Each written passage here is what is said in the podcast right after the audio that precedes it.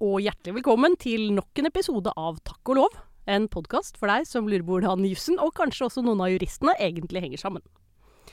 Dagens tema er offentlige anskaffelser. Altså sånne eh, anbudskonkurranser som det offentlige lager når de skal kjøpe inn litt større ting, som skal sikre reell konkurranse og effektiv bruk av samfunnets midler. Eller ikke. Vi får se.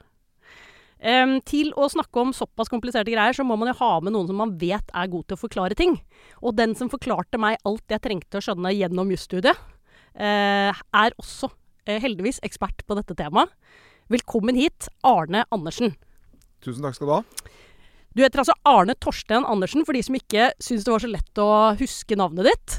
Men Du bruker ikke det sånn veldig mye, men du syns det var Du må ha det med sånn at du ikke blir helt anonym? Ja, AA det blir litt Ja. eh, anonymt, så da, vi slenger på en T. Ja, og så kan man eh, putte i det man vil på Ja. T-en, da. Ja. Ja, ikke sant? For den T-en eh, Vi brukte jo ikke den som Torstein da du var i min kollokviegruppe. Der het du Tankredd. Der heter jeg Tankred. Ja, og det heter du fremdeles. Ja. I uh, kollokviegruppen fra forrige årtusen. Riktig. Nettopp. Ok, uh, Arne. Uh, utrolig hyggelig at du vil være med. Du er jo altså en av Norges ledende advokater innenfor offentlige anskaffelser. Du har da, som eh, den eh, oppmerksomme lytter vil ha fått med seg, studert på UiO sammen med meg. Det stemmer. Eh, du har master fra Amsterdam. Du har en sånn supergrei master fra Kings College etter det. Ja, Eller sånn diplom. Ja, det er vel ikke så supermaster, Ikke super. men, men en, en, en, hurtig... Hurtigmaster. hurtig- En hurtigmaster. En hurtigmikser hurtig hurtigmikser, fra ja. Kings College. Ok. Eh, du har jobbet i ESA, altså EFTAs overvåkningsorgan. Ja. Og du har eh, vært eh, partner flere steder. Nå er du, og har vært en god stund, partner i advokatfirmaet BAR. Det stemmer. Altså, Artig faktum om deg, det er, det er jo utømmelige kilder, må jeg si. For du var, eh, i tillegg til å være tror jeg, den beste på vårt kull, så var du definitivt den morsomste. Eh, du er antakeligvis begge deler ennå. Um, så vi tok oss den frihet å spørre en av dine kolleger om et artig faktum. Og det artige faktumet, det er altså at du nesten har eh, vunnet en Ford Fiesta ved å hva, hva var det du gjorde for å vinne en Ford Fiesta? Ja, det, dette var jo tilbake i studietiden hvor det eh, var langt mellom eh, forelesningene. Og Jeg trodde du skulle si Ford Fiestaene. ja, Ja, det var også, langt også veldig langt mellom Ford Fiestaene. Så Ja. da ble det Dette var jo på det, må ha vært på det harde 90-tallet, da. Det var 30-tallet og 90-tallet Ja, det var de. som, de som var harde. Eh, og det var da en konkurranse om å vinne en Ford Fiesta hvis man holdt lengst på den Ford, Fiestaen. Eh, Du skulle stå og holde på den? du skulle stå og holde på den til alle andre slapp. ok. Hvor lenge sto du og holdt på den? Nei, jeg sto i en fem-seks dager eller noe og holdt på den Ford Hæ? Fiestaen. Ja. Hvordan klarte du det?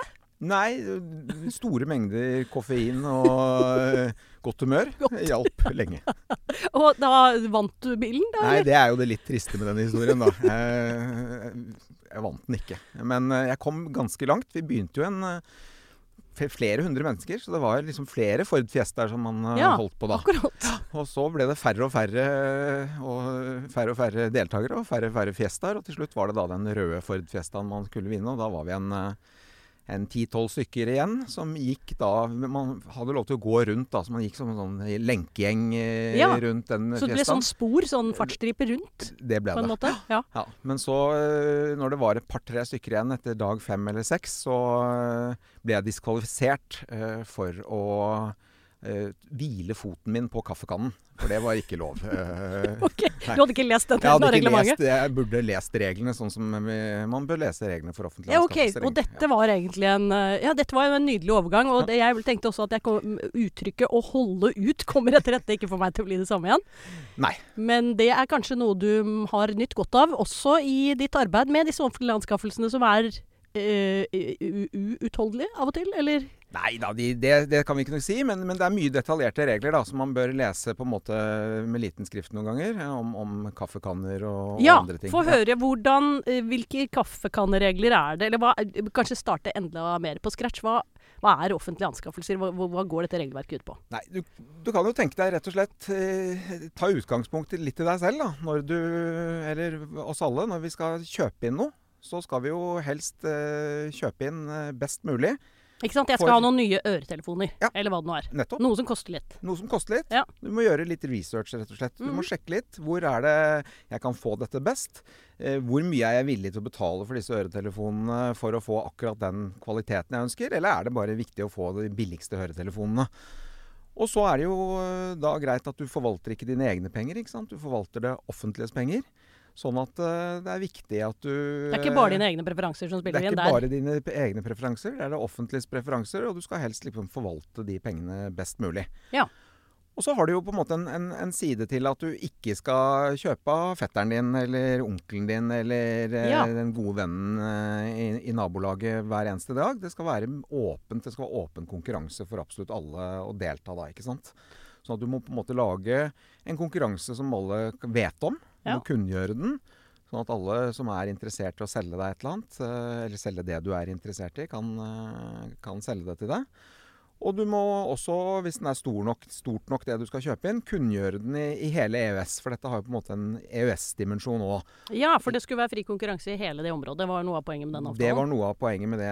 Ja. Og det kom da på en måte inn, selv om vi hadde innkjøpsregler før EØS-avtalen også, så kom det på en måte inn med styrke i 1994 da. Hvordan var, kan ikke du bare helt kort, eh, Ja. hvordan var de innkjøpsreglene før da? For dette, noen av disse hensynene tenker vi at vi kanskje kunne klart å komme på selv før vi ble med i EØS? Ja, det var noe, man er jo glad i å lage forkortelser, eh, og det var noe som heter REFSA.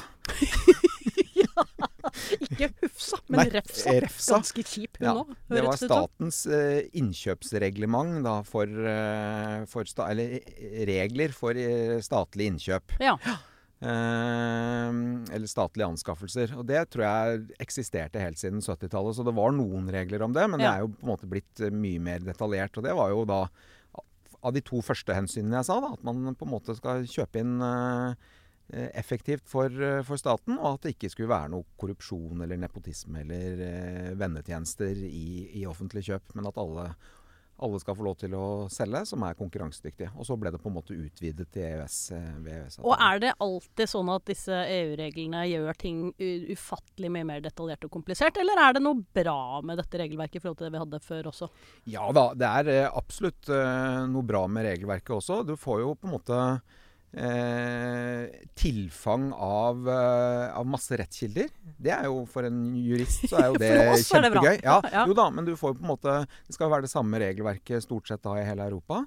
Så du må på en måte følge med når, eh, når EU-domstolen avsier noen, eh, noen dommer, så får jo det på en måte betydning også for tolkningen av det norske regelverket. Ja, og det positive her, det kan jo være ikke bare sånn for oss advokater at vi trengs, liksom, for det gjør vi uansett, tror jeg, men, eh, men eh, egentlig at det noen har funnet enda lurere måter å gjøre ting på, som du kan herme etter, kanskje. Absolutt. Ja. absolutt. Og så tror jeg på en måte at eh, det var Man prøvde jo for noen år siden å forenkle regelverket unn, det, er, det er noe som heter terskelverdier i dette her, ikke sant? Så Ja, og for da, vi bare ta oss Ja. kort gjennom det, for det er ikke alle anskaffelser. Du må over en eller annen viss sum, du eller? må over noen summer, ja. Ja. Og så er det sånn at helst skal det være konkurranse over 100 000 kroner. Så skal det være konkurranse.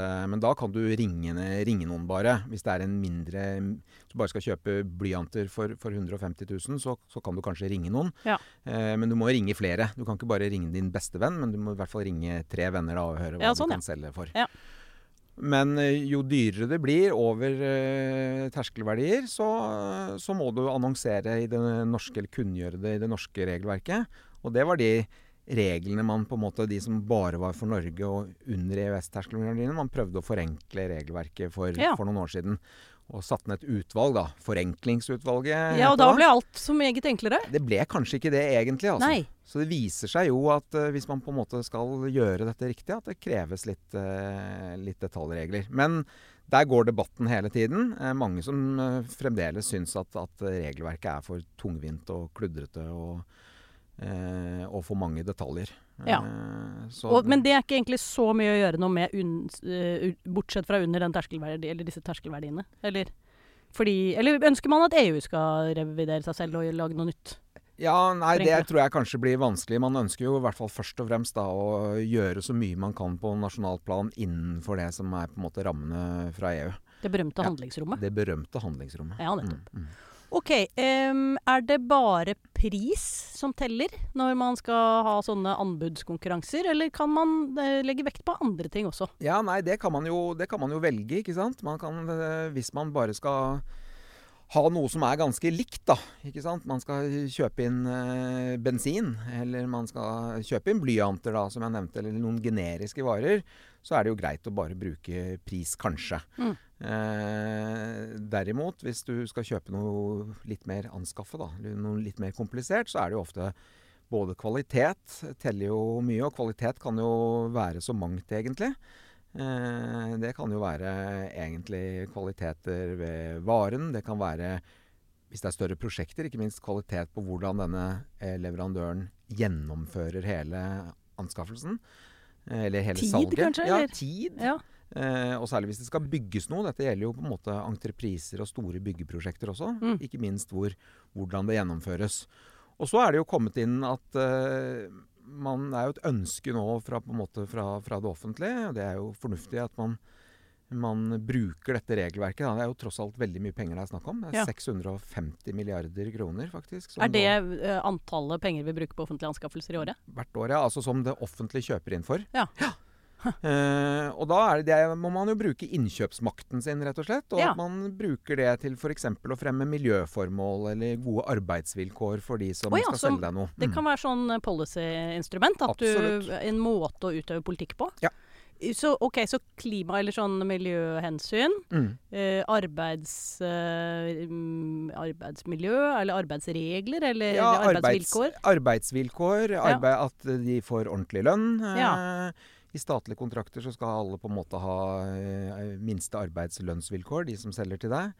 Og så må man jo passe på da at denne leverandøren er eh, skikkelig og ordentlig. At den har betalt skatter og avgifter. At den ikke driver barnearbeid. Ja. eh, Men, og ikke terrorisme. Og, så det er mange ting som på en måte at du får et seriøse leverandører til det offentlige. Og hvor de da må sjekke alle sine bakmenn holdt jeg på å si, og sine kilder og leverandører bakover igjen for å passe på det samme. Et stykke på vei, Ja, ja, ja. Mm. Er det noen grenser for hva slags politikk man kan utøve gjennom bruk av offentlige midler? Ja, dette er, jo, dette er jo et stridstema, og lenge har det vært et stridstema. Og er det vel fremdeles. Hvor mye kan du egentlig vektlegge miljø? Og hvis det du kjøper egentlig kanskje ikke så Hvis du kjøper en, en, en tjeneste, da, si en advokattjeneste, hvor mye betydning har det egentlig for verdien av den tjenesten at eh, advokatfirmaet er flinke til å kildesortere eh, søpla si og alle de utskriftene. viktig? Det kan være viktig, men det er ikke sikkert du får en så mye bedre advokat av det. Nei. Så det er jo et, har jo vært eh, et, eh, et, et stridstema, rett og slett. Hvor mye hvor tilknyttet, hvor, hvor mye det har å si for det du kjøper. Ja. Miljøet har, har betydning. Og det kan jo virke helt mot sin hensikt. Også sånn bil som ikke kan gå mer enn 30 km i timen. Eh, veldig dum bil, men ganske miljøvennlig, Ganske kanskje. Hvis den bruker lite Ja, Ja. Er jo, transport er jo typisk et eksempel da, hvor, eh, hvor miljøet har Der henger det jo sammen. si. Der Ja. henger det jo sammen nå, med, med batteridrift, og at man også eh, for annen type transport, ikke sant, fergetransport, at, man, eh, at det er et veldig viktig kriterium Ja. hvor, eh, hvor miljøvennlig denne transporten er. Men det er jo eh, ofte vanskelig å måle, ikke sant. Én ting er eh, så du en ting er at du skal ha en ren batteriferge, men hvis du ikke kan kjøre batteriferge, hvordan skal du egentlig måle hvor, hvor Hva slags dokumentasjon er, er det du kan legge på bordet for å si at vet du hva, denne fergen her den bruker så og så mye bunkers? eh. Og det er jo et type sak som har vært helt oppe i Høyesterett, f.eks. Ja, ok, Mm. Så eh, er disse spørsmålene ofte oppe i rettsapparatet, eller blir de vurdert andre steder? De blir vurdert først Første så har vi noe, nok, en, eh, nok en forkortelse, noe som heter KOFA. Ja. Ja. Klageorgan for offentlige anskaffelser. Det er riktig. Nei, nå var jeg flink. Det var Ja. bare fordi Finn Arnesen var her og snakket om det fordi han satt der Eh, Ikke sant? Ja. Nettopp.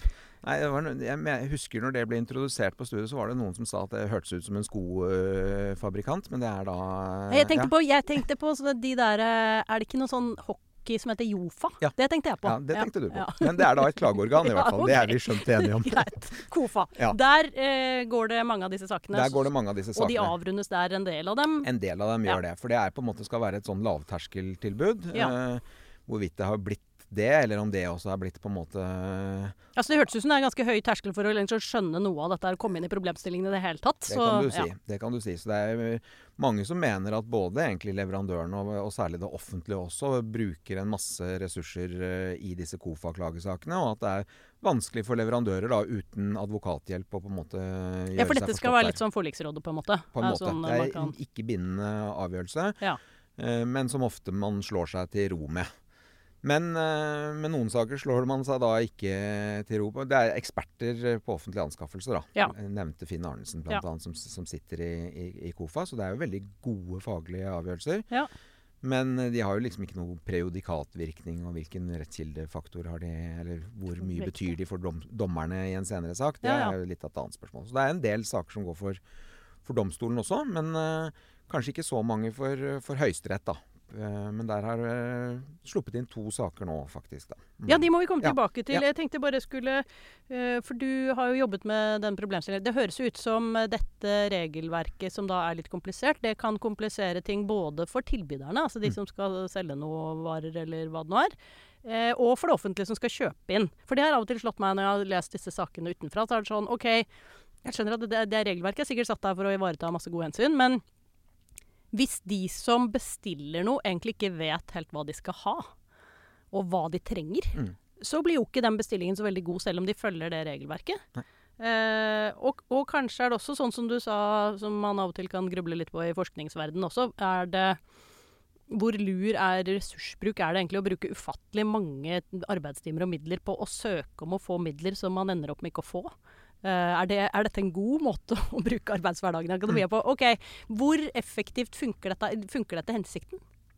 Jeg antar det er et ja-nei-spørsmål? Eh, det er et ja-nei-spørsmål. Jeg må jo svare ja på det. Det, ja. det tror jeg nok. Men bare for, bare for, å ta fatt i det du sa først, da, for det tror jeg er litt viktig, akkurat dette med planleggingen. Og det er jo igjen Du kan jo tenke deg selv, ikke sant. Hvis du ikke helt vet hva du skal ha når du skal kjøpe disse høretelefonene, så kan du ende opp med en, eh, noe du ikke trengte i det hele tatt. Eller du blir bare litt sånn forvirret når du Kan ende opp med sånn ja. hørselsvern. Eh, og det er ikke noe særlig. Nei, da hører jeg jo ingenting. Ikke sant.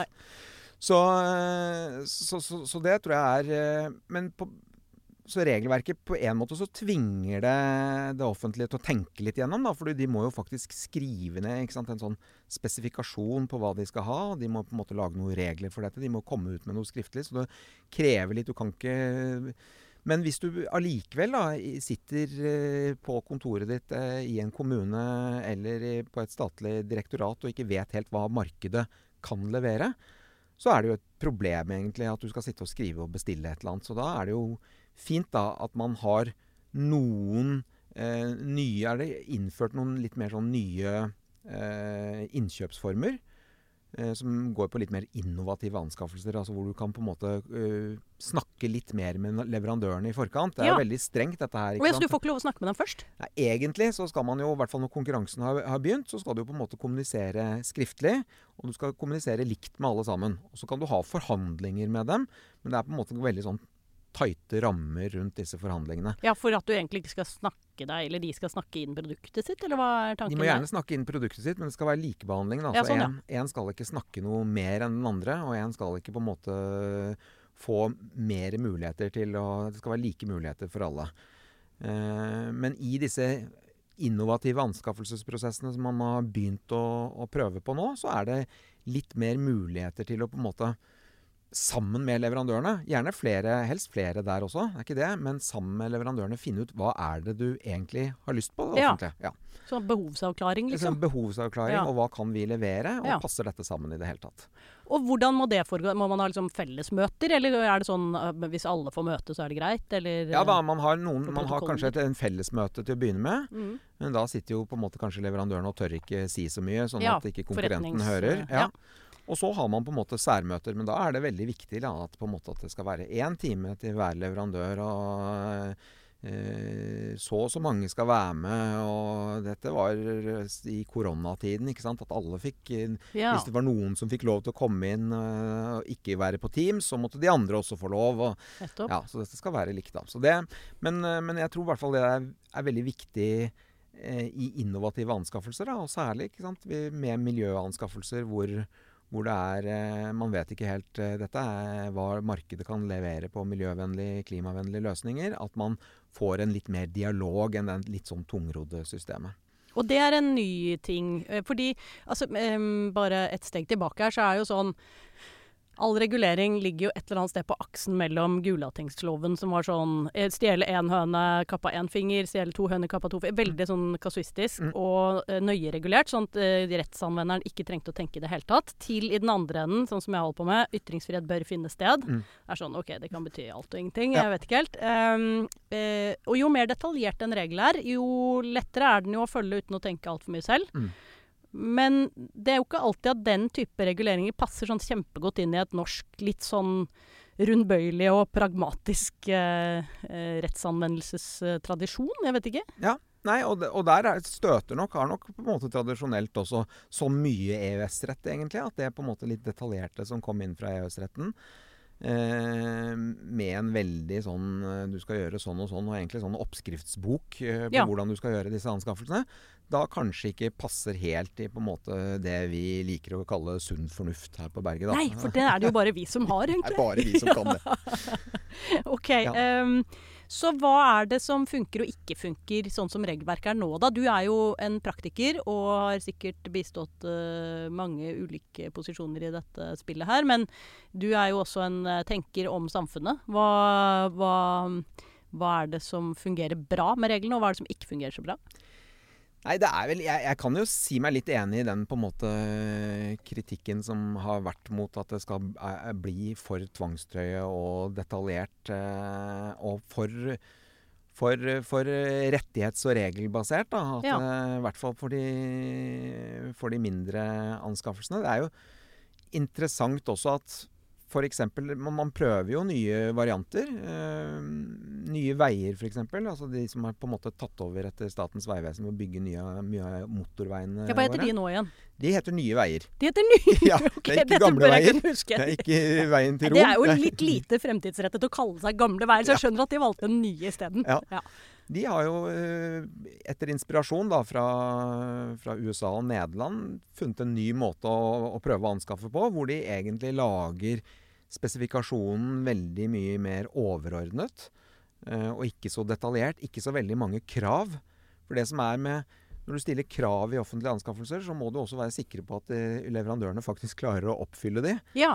Så det har jo vært en tendens kanskje at det offentlige er veldig Man setter seg ned. ikke sant? Igjen dette med liksom avstand, veldig stor avstand mellom leverandør og, og innkjøper. Man har ikke snakket sammen ordentlig på forhånd, og da blir det litt sånn at man stiller en masse krav. For det er jo gøy å stille masse krav til Ja, ja, Den skal være rød, og den skal være så og så stor. Og så viser det seg at på en måte markedet ikke kan levere, eller noen, og da må du avvise de leverandørene. ja. Mens Nye Veier har prøvd en annen metode som, hvor de stiller litt færre krav. Og så eh, og leverandørene får ikke lov til å sende inn permer med permer med tilbud og brosjyrer og alt mulig rart, men må skrive liksom et kort, konsist tilbud på hvordan de skal bygge denne veien. Og så velger man ut én ut ifra det, og så forhandler man på en måte videre med det. Eh, og det har i hvert fall vist seg, ifølge Nye Veier selv, da, å være en, en suksess at man har, har klart å forenkle det litt. Grann. Om det er fordi alle de som ikke kommer videre, ikke har investert så mye i denne konkurransen, Ja. og dermed velger å ikke klage allikevel. ja. Det vites jo ikke, og vi har ikke på en måte fått domstolsprøvd om den måten å gjøre det på er, eh, Holdbar, er, er holdbar. Men, men det har i hvert fall vært suksess blant entreprenørene er glad i den måten å gjøre det på. Hvis alle er glad og man ikke bruker så mye penger som man ellers ville gjort, så høres jo ut som Det, høres, det kan jo være en måte å gjøre det på. Men, men så kan du si at det funker kanskje når du skal lage en, en vei da, hvor du vet sånn tålelig Hvilken vei du skal. eh, Hvilken vei du skal, ikke minst. Ja, nettopp. Ja. Mens hvis du på en måte skal kjøpe inn noe litt mer komplisert, da, og noe du kanskje ikke har laget eller bygget før, eh, eller kjøpt inn før, så er det kanskje ikke så lett å gjøre det på den måten. Så da er du kanskje tilbake til at du Ja, må, må ha litt detaljstyring på det. Ja. det skjønner jeg. Du har jo ligget under her i noe av det du har sagt, at noen kan føle seg forbigått og kan komme til å klage. Mm. Hvordan, eh, eh, Hva skal de gjøre hvis de føler seg forbigått, og hva, eh, hva er på en måte grunnlaget for sånne klager? Er det, skal det mye til å nå frem, eller? Før så skulle det nok en del til for å nå frem, og det satt nok også litt langt inne. Når jeg begynte som advokat for 20 år siden, så var det sånn de fleste leverandører tenkte at nei, vi, vi saksøker ikke staten eller kommunen, det er jo kanskje vår største kunde. Eh, så det lå på en måte litt igjen. Man holdt igjen litt. Grann, og, og både domstoler og kanskje KOFA var, var litt tilbakeholdne. Generelt med å gi erstatningssaker mot staten og Ja. offentlige organer? Ja. ja. Mens nå er det nok blitt mer sånn uh, igjen dette rettighetsbaserte tankegangen. At Ja. hvis du på en måte er blitt forbigått, og du mener det er uh, eh, Det er Fleksnes-varianten. Det er Fleksnes-varianten, ja. Slå i bordet. Ja. Uh, og da kan du enten da prøve å stanse eh, kontraktsinngåelsen. fordi i motsetning til veldig mye når vi to sitter som privatpersoner, og så kan vi jo bli bundet av en avtale bare vi snakker med hverandre. Ja, det var noen sånne Ja. dispositive utsagn. Jeg Ikke husker sant? vi var gjennom dette på et tidspunkt. Ja. Nettopp. Ja. Så øh, vi kan jo bli, bli bundet av det. Mens når staten inngår disse avtalene etter øh, regelverket for offentlige anskaffelser, så er det veldig strengt at det skal være signering på papiret fra begge sider øh, før det er en, en avtale. Ja. Eh, og da er det sånn at man, når en har vunnet denne konkurransen da, om å levere til det offentlige, så, så blir eh, vinneren annonsert. Og alle de andre som ikke vant, de får jo da også den litt kjedelige beskjeden om at de ikke nådde fram. Nå fikk jeg helt sånn Monty Python-bilder i hodet. Sånn Å, klappet for den ene og de andre. Ja, ja, ja det er litt sånn. Det er sånn, Det er litt sånn. Eh, men da, går det, da er det en, på en måte en klageperiode da, i, på ti dager, okay. hvor du, de offentlige ikke får lov til å signere denne kontrakten. Så i den tidagersperioden, da rasler alle de andre leverandørene med sabelen. og ber de om innsyn i det tilbudet som vant. For det har Ja. vi jo veldig rause regler med her i Norge, at man faktisk får se på, på, på tilbudet, bortsett fra pris og litt sånn. Ja, det var noe med informasjonsfriheten der. ikke sant? Ja. Så, mm, eh, så da gjennomgås det vinnende tilbudet i sømmene og ser var dette virkelig best. Har det offentlig gjort det riktig, eller Ja. er det en eller annen formalfeil som ble begått her? Og så kan man da ta den innen de ti dagene, si eh, klage først kanskje, og så ta den til domstolene med noe som heter midlertidig forføyning. ja. sånn, Sånn, sånn hurtig greie. Ja. Hurtiggreie. Ja. Og da, hvis man får medhold i at der var det sannsynligvis et eller annet som var galt, så, så blir på en måte kontraktsinngåelsen stanset. Så da, da får ikke den, eh, den leverandøren eh, som opprinnelig hadde, eller som ble Nei. utropt som vinner, får ikke den kontrakten før det er endelig liksom testet i domstolsvesenet. Ok, Så det hørtes jo ikke så tids- og pengebesparende ut, kanskje? Og Nei, hva- det kan du si. Det som ofte skjer, da, er fordi så skal dette ankes, og så skal det inn for full hovedforhandling, og så skal man finne tid hos dommeren, og så Ja. går tiden, og så skulle man helst ha bygget denne skolen, eller Ja. Så det som ofte ender opp med da, er at det offentlige kaster kortene og så sier at uh, Et sånt forlik? eh, Eller at man er betaler med erstatning, Ja, det kommer etterpå igjen. Men mer at de sier at OK, da, da bruker jeg ikke noe mer tid på dette her. Eh, på da nytt. begynner jeg på nytt, oh, ja. rett og slett. Så det går faktisk fortere å begynne på en ny konkurranse enn å la det spinne seg ut i hele domstolsvesenet. Ok, Så det kan man gjøre. Bare si da avblåser vi konkurransen og begynner på nytt. Ja, Ja, okay. man, man må ha saklig grunn for det. Ja, det skjønner jeg. Ja, Det er jo saklig grunn å vente på den rettssaken, eller? Ja men til en, viss, til en viss grad. Ja. Ok. Um, Men- ja, Ja, nei, nei hvis, og, men hvis man da på en måte ikke, ikke rekker dette her, eller ikke får medhold f.eks., og det blir inngått kontrakt, så er jo den på en måte den kontrakten bindende i utgangspunktet da mellom den som vant og, eh, og det offentlige. Men da kan man kreve erstatning da, i etterkant. Å ja, sånn ja. Ja, Og da- da, hva er det man kan kreve erstattet? Enten så kan man eh, si at uh, her ville jeg ikke Denne konkurransen var jo bare tull og tøys. Den ville jeg ikke vært med på i det hele tatt hvis jeg hadde visst om det. Så jeg har brukt masse ræl og tid på Ja. dette her, og det vil jeg ha erstattet? Det vil jeg ha erstattet. Jeg vil Ja. ha erstattet alle tilbudskostnadene mine som det heter. Alle forhandlingsmøtene som jeg brukte tid på. og Alt, og det kan bli ganske store greier det også, for så ja, vidt. ja. I store konkurranser. Eller hvis man virkelig mener at det var jeg som burde, skulle vunnet kontrakten, så kan man jo eh, kreve erstatte det som heter positiv kontraktsinteresse. Da. Det Altså det måte- man ville tjent hvis man hadde fått vunnet kontrakten. Nettopp. Det kan jo bli ganske mye penger. Det kan bli veldig mye penger. Og det er jo veldig dumme penger å betale for ikke å få noen ting. Det offentlige blir jo da eh, sittende med å betale to ganger, egentlig. Betale for den som man inngikk kontrakt med, Ja. og så betale for den som fikk erstatning. eh, Men de får bare én ting. Så, så, men det er på en måte Det skal være preventivt, da. Eh, og litt sånn ris bak speilet. Men dette er veldig Det er de to sakene som jeg nevnte i sted, som er sluppet inn for Høyesterett nå. Ja, fortell kort om dem. Om Nei, altså Vi har jo hatt, øh, vi har jo hatt øh, 20 år kanskje med akkurat disse typer reglene. Og så har egentlig Eller 20 år siden så var det Høyesterett første gang sa at vet du hva, dette eh, dette med positiv kontraktsinteresse. Det å få erstattet egentlig tap for en kontrakt du aldri fikk. Ja. Eh, det er noe, vi, det er noe i, i enkelte tilfeller, hvis de og de vilkårene er oppfylt, som vi Det er typisk sånn, eh, det er sånn veldig etablerte kontraktsforhold, eller Ja, vanligvis så er jo, Ja. ikke, er jo det ikke så lett å få i denne type Nei, nei. saker. Så det var på en måte en nyvinning. Og så gikk det mange år, og så slapp, visste man ikke helt hvordan dette var. Man visste ikke heller helt hvordan det var i forhold til EØS-regler, for dette er jo også EØS-regler om. Uh, ja, var det noe på en måte krav fra EØS-retten om at det skulle være slikt og slikt ansvar? Og så fikk man en delvis avklaring på det i denne, denne ene saken som jeg nevnte om, om, bunk, om, om drivstoff på, på fergeforbindelser i, i, i Trøndelag. Og Ja. den ble til og med, man spurte til og med EFTA-domstolen to ganger. Ja, hva- er det gang- sånn å forstå? Ja, ja. Er, man mente dere det dere sa? Nettopp. Og da ble det litt andre folk i EFTA-domstolen og sånn, var det ikke det? så, så ble det det også. Og så fikk man kanskje et svar som passet litt bedre, og som kanskje var riktigere også. Ja. Men det løste ikke alle spørsmål, så nå er det på en måte I hvert fall dette med hvor mye skal det, hvor mye på en måte skal det offentlige legges til last? da? Hvor stor feil skal man ha gjort? Er det tilstrekkelig at du har Det som ofte er på en måte øh, det som ofte er øh, typetilfellet, da, det er at ikke sant, du en vinner kontrakten, og så rekker nummer to opp hånden, og så sier han at øh, Hør her. Han nummer én han oppfylte ikke de og de kravene, så han skal avvises fra konkurransen. Og da rykker jo jeg opp. Ja. Og Det er jo en typisk, eh, typisk situasjon. Og så spør man seg da et av spørsmålene som er oppe i Høyesterett nå, er, er det nok for det offentlige eller å bare gjøre en feil i den avvisningen? Hvis du har gjort en feil avvisningsvurdering, er det på en måte en så grov og graverende feil at da må du på en måte Da er du er skyld, eller ikke skyldkravet, men da ansvarsgrunnlaget Oppfylt. oppfylt som sådan. Ja. Og der mener nok det, det offentlige og, og leverandørsiden vidt forskjellige ting, da. ja, det skjønner jeg, for det offentlige vil mene at det, man, det må litt, noe mer til.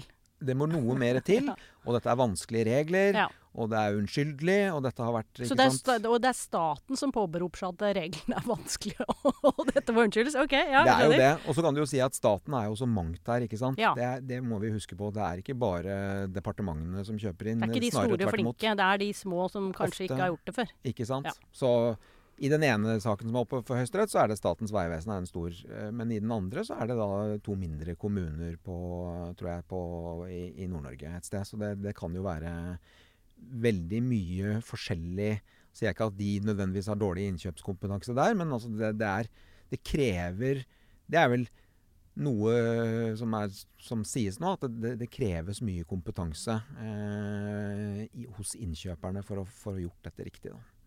Ja. Og da er vi i grunnen tilbake der vi startet litt, nemlig at disse reglene som var laget for å gjøre det enklere og mer effektivt å være det offentlige og bruke midler på en klok måte, det gjorde det kanskje til dels litt vanskeligere. Det er ofte slik. Ja. Vi pleier å invitere vår gjest til å dele en historie med oss. Eh, jeg vil anta at du har ganske mange mulige historier du kunne delt, men du skal få lov å dele en fritt av ditt eget eh, valg. Så hvis vi bare hopper over til, eh, til deg. Siden du sa hopper, så er det på en måte Det, det, er litt som å hoppe etter Wirkola i, i, i en advokats verden, dette her. For det, det var eh, Jeg jobbet jo, som du sa innledningsvis, for dette som heter EFTAs overvåkningsorgan Mm. i, i Brussel. Og en av de morsomme tingene vi fikk lov til å gjøre der iblant, det var jo faktisk å prosedere for eh, EU-domstolen. Ja. Eh, og det er jo sånn da at et, et spørsmål kommer eh, opp for EU-domstolen, og så skal på en måte kan landene i EU, og for så vidt Norge og Island og Liechtenstein, som er da EØS-EFTA-landene, eh, de eh, samt EU-kommisjonen og dette ESA som vi er tilknyttet til, de kan på en måte si hva de mener eh, dommeren, eh, domstolen skal komme til. vår lille mulighet til å påvirke noe Vår lille mulighet. Så man får sine liksom eh, Og det er jo veldig korte prosedyrer, så man får på en måte sine ti minutes of fame, da. Ja. der er sånn. Og så var det en ganske prinsipiell sak, så det var, eh, var eh, mange stater som intervenerte. Men eh, trenger ikke gå inn i detaljene, men handlet litt om eh, hvorvidt eh, hvorvidt eh, østeuropeiske land som har et lavere lønnsnivå, skal få betale sine arbeidere det når de leverer tjenester Ja. i Sverige, som dette var, eller om man må på en måte betale svenske lønns- og arbeidsvilkår. Ja, det er viktig. Og da er det jo sånn da at alle statene kommer med sine advokater. Og det er på en måte ofte sånn regjeringsadvokater eller eh, Og der kom de, de kommer i sine kapper, ikke sant. Eh, Og det er mye hermelin og mye silk og alt mulig rart. Mens vi fra ESA vi måtte da stå i, liksom i, i, i dress, da. Og så var, kom alle prosederte, alle prosederte etter hverandre. Og før meg da, så kom det en som het Anderson. Eh, og, og det var også eh, den eneste likheten, fordi han, eh, han heter nå lord eh, Anderson. Det gjør ikke du ennå. Det gjør ikke jeg. Og han tror jeg har prosedert eh, noe sånt som 150 saker for EU-domstolen, og er liksom Kings Council er han blitt nå. Han Ja, var jo Queens Council for, inntil for nylig, inntil for nylig. Eh, og eh, han eh, skulle da inn før meg, ikke sant. Og bare det å høre sånne engelske barristers eh, prosedere er jo Du blir jo helt fjetret, ikke sant. De, han begynte med noe noe gresk mytologi Ja, som han bare vevde inn i det han skulle si, og alt sånt noe. Ja. Eh, og så kom jeg da etterpå Dette var jo en, jeg, en av mine første saker der. Jeg liksom eh, hadde forhåndsskrevet manus og kom med, med Tor Heyerdahl, eh, engelsken min, og uh, Yes, it has to be like this. Uh, ja, nei, og veldig Så gikk han bort til meg etter, da, for vi samlet liksom etterpå. Så I say, uh, Mr. Anderson, yeah, it, at least it was straightforward. Å, det var et veldig Ja, fint kompliment. ja, ja. Det er jo det med britene. De kan jo gi deg de mest fornærmede komplimenter på en ganske hyggelig måte. Veldig subtil måte. Men det var, eh, det var jo bare rett og slett en, en ære å være der etter han, altså. Så mm, lord uh, Lord Anderson. Ja. Veldig bra Wirkola-historie. Eh, Arne, tusen takk for at du kom og ville geleide oss litt grann gjennom disse, dette, denne regeljungelen. ja, jeg håper i hvert fall det var en, eh, en start. Og så må jeg jo si at det er veldig artig å jobbe med dette her, da. Så for de som hører på, og som kanskje har, Ja. har lyst til å fordype seg i det, så gjør gjerne det. La dere Ja. ikke skremme bort Nei. av denne podkasten. Ja. det var eh, Nettopp det var en fin sånn oppfordring, invitasjon til slutt der. Ja. Godt. Da tror jeg bare det gjenstår for meg å takke også våre lyttere som har vært med oss eh, så langt, og ønske dem hjertelig velkommen tilbake i neste uke til nok en episode av Takk og lov. Da er det takk og lov tid for litt reklame. Eh, og den reklamen den eh, er jo ikke så dum, for den er knyttet til dagens tema. Eh, Juristenes utdanningssenter de har nemlig en rekke e-kurs om dette temaet. Annet de årlige oppdateringsforedragene Nytt i anskaffelsesretten, med henholdsvis rettspraksis fra norske domstoler og EU-domstolen, og dette organet vi var innom, KOFA, og fra lovgiver. I tillegg så arrangerer Juss hver vår det årlige kurset i offentlige anskaffelser, og dette kan du lese mer om på juss.no. Og er du ikke lei av å lese, så kan du gå inn på juridika.no, og der får du tilgang til Marianne Dragstens lovkommentar til anskaffelsesloven og anskaffelsesforskriften, hvor alle de intrikate reglene som vi snakket om, eh, fremgår i større eller mindre detalj. Eh, og du kan også lese eh, Dragstens bok 'Offentlige anskaffelser regelverk, praksis og løsninger', hvor det formodentlig er enda litt mer forklaringer. Alt dette er på juridika.no, ditt juridiske bibliotek.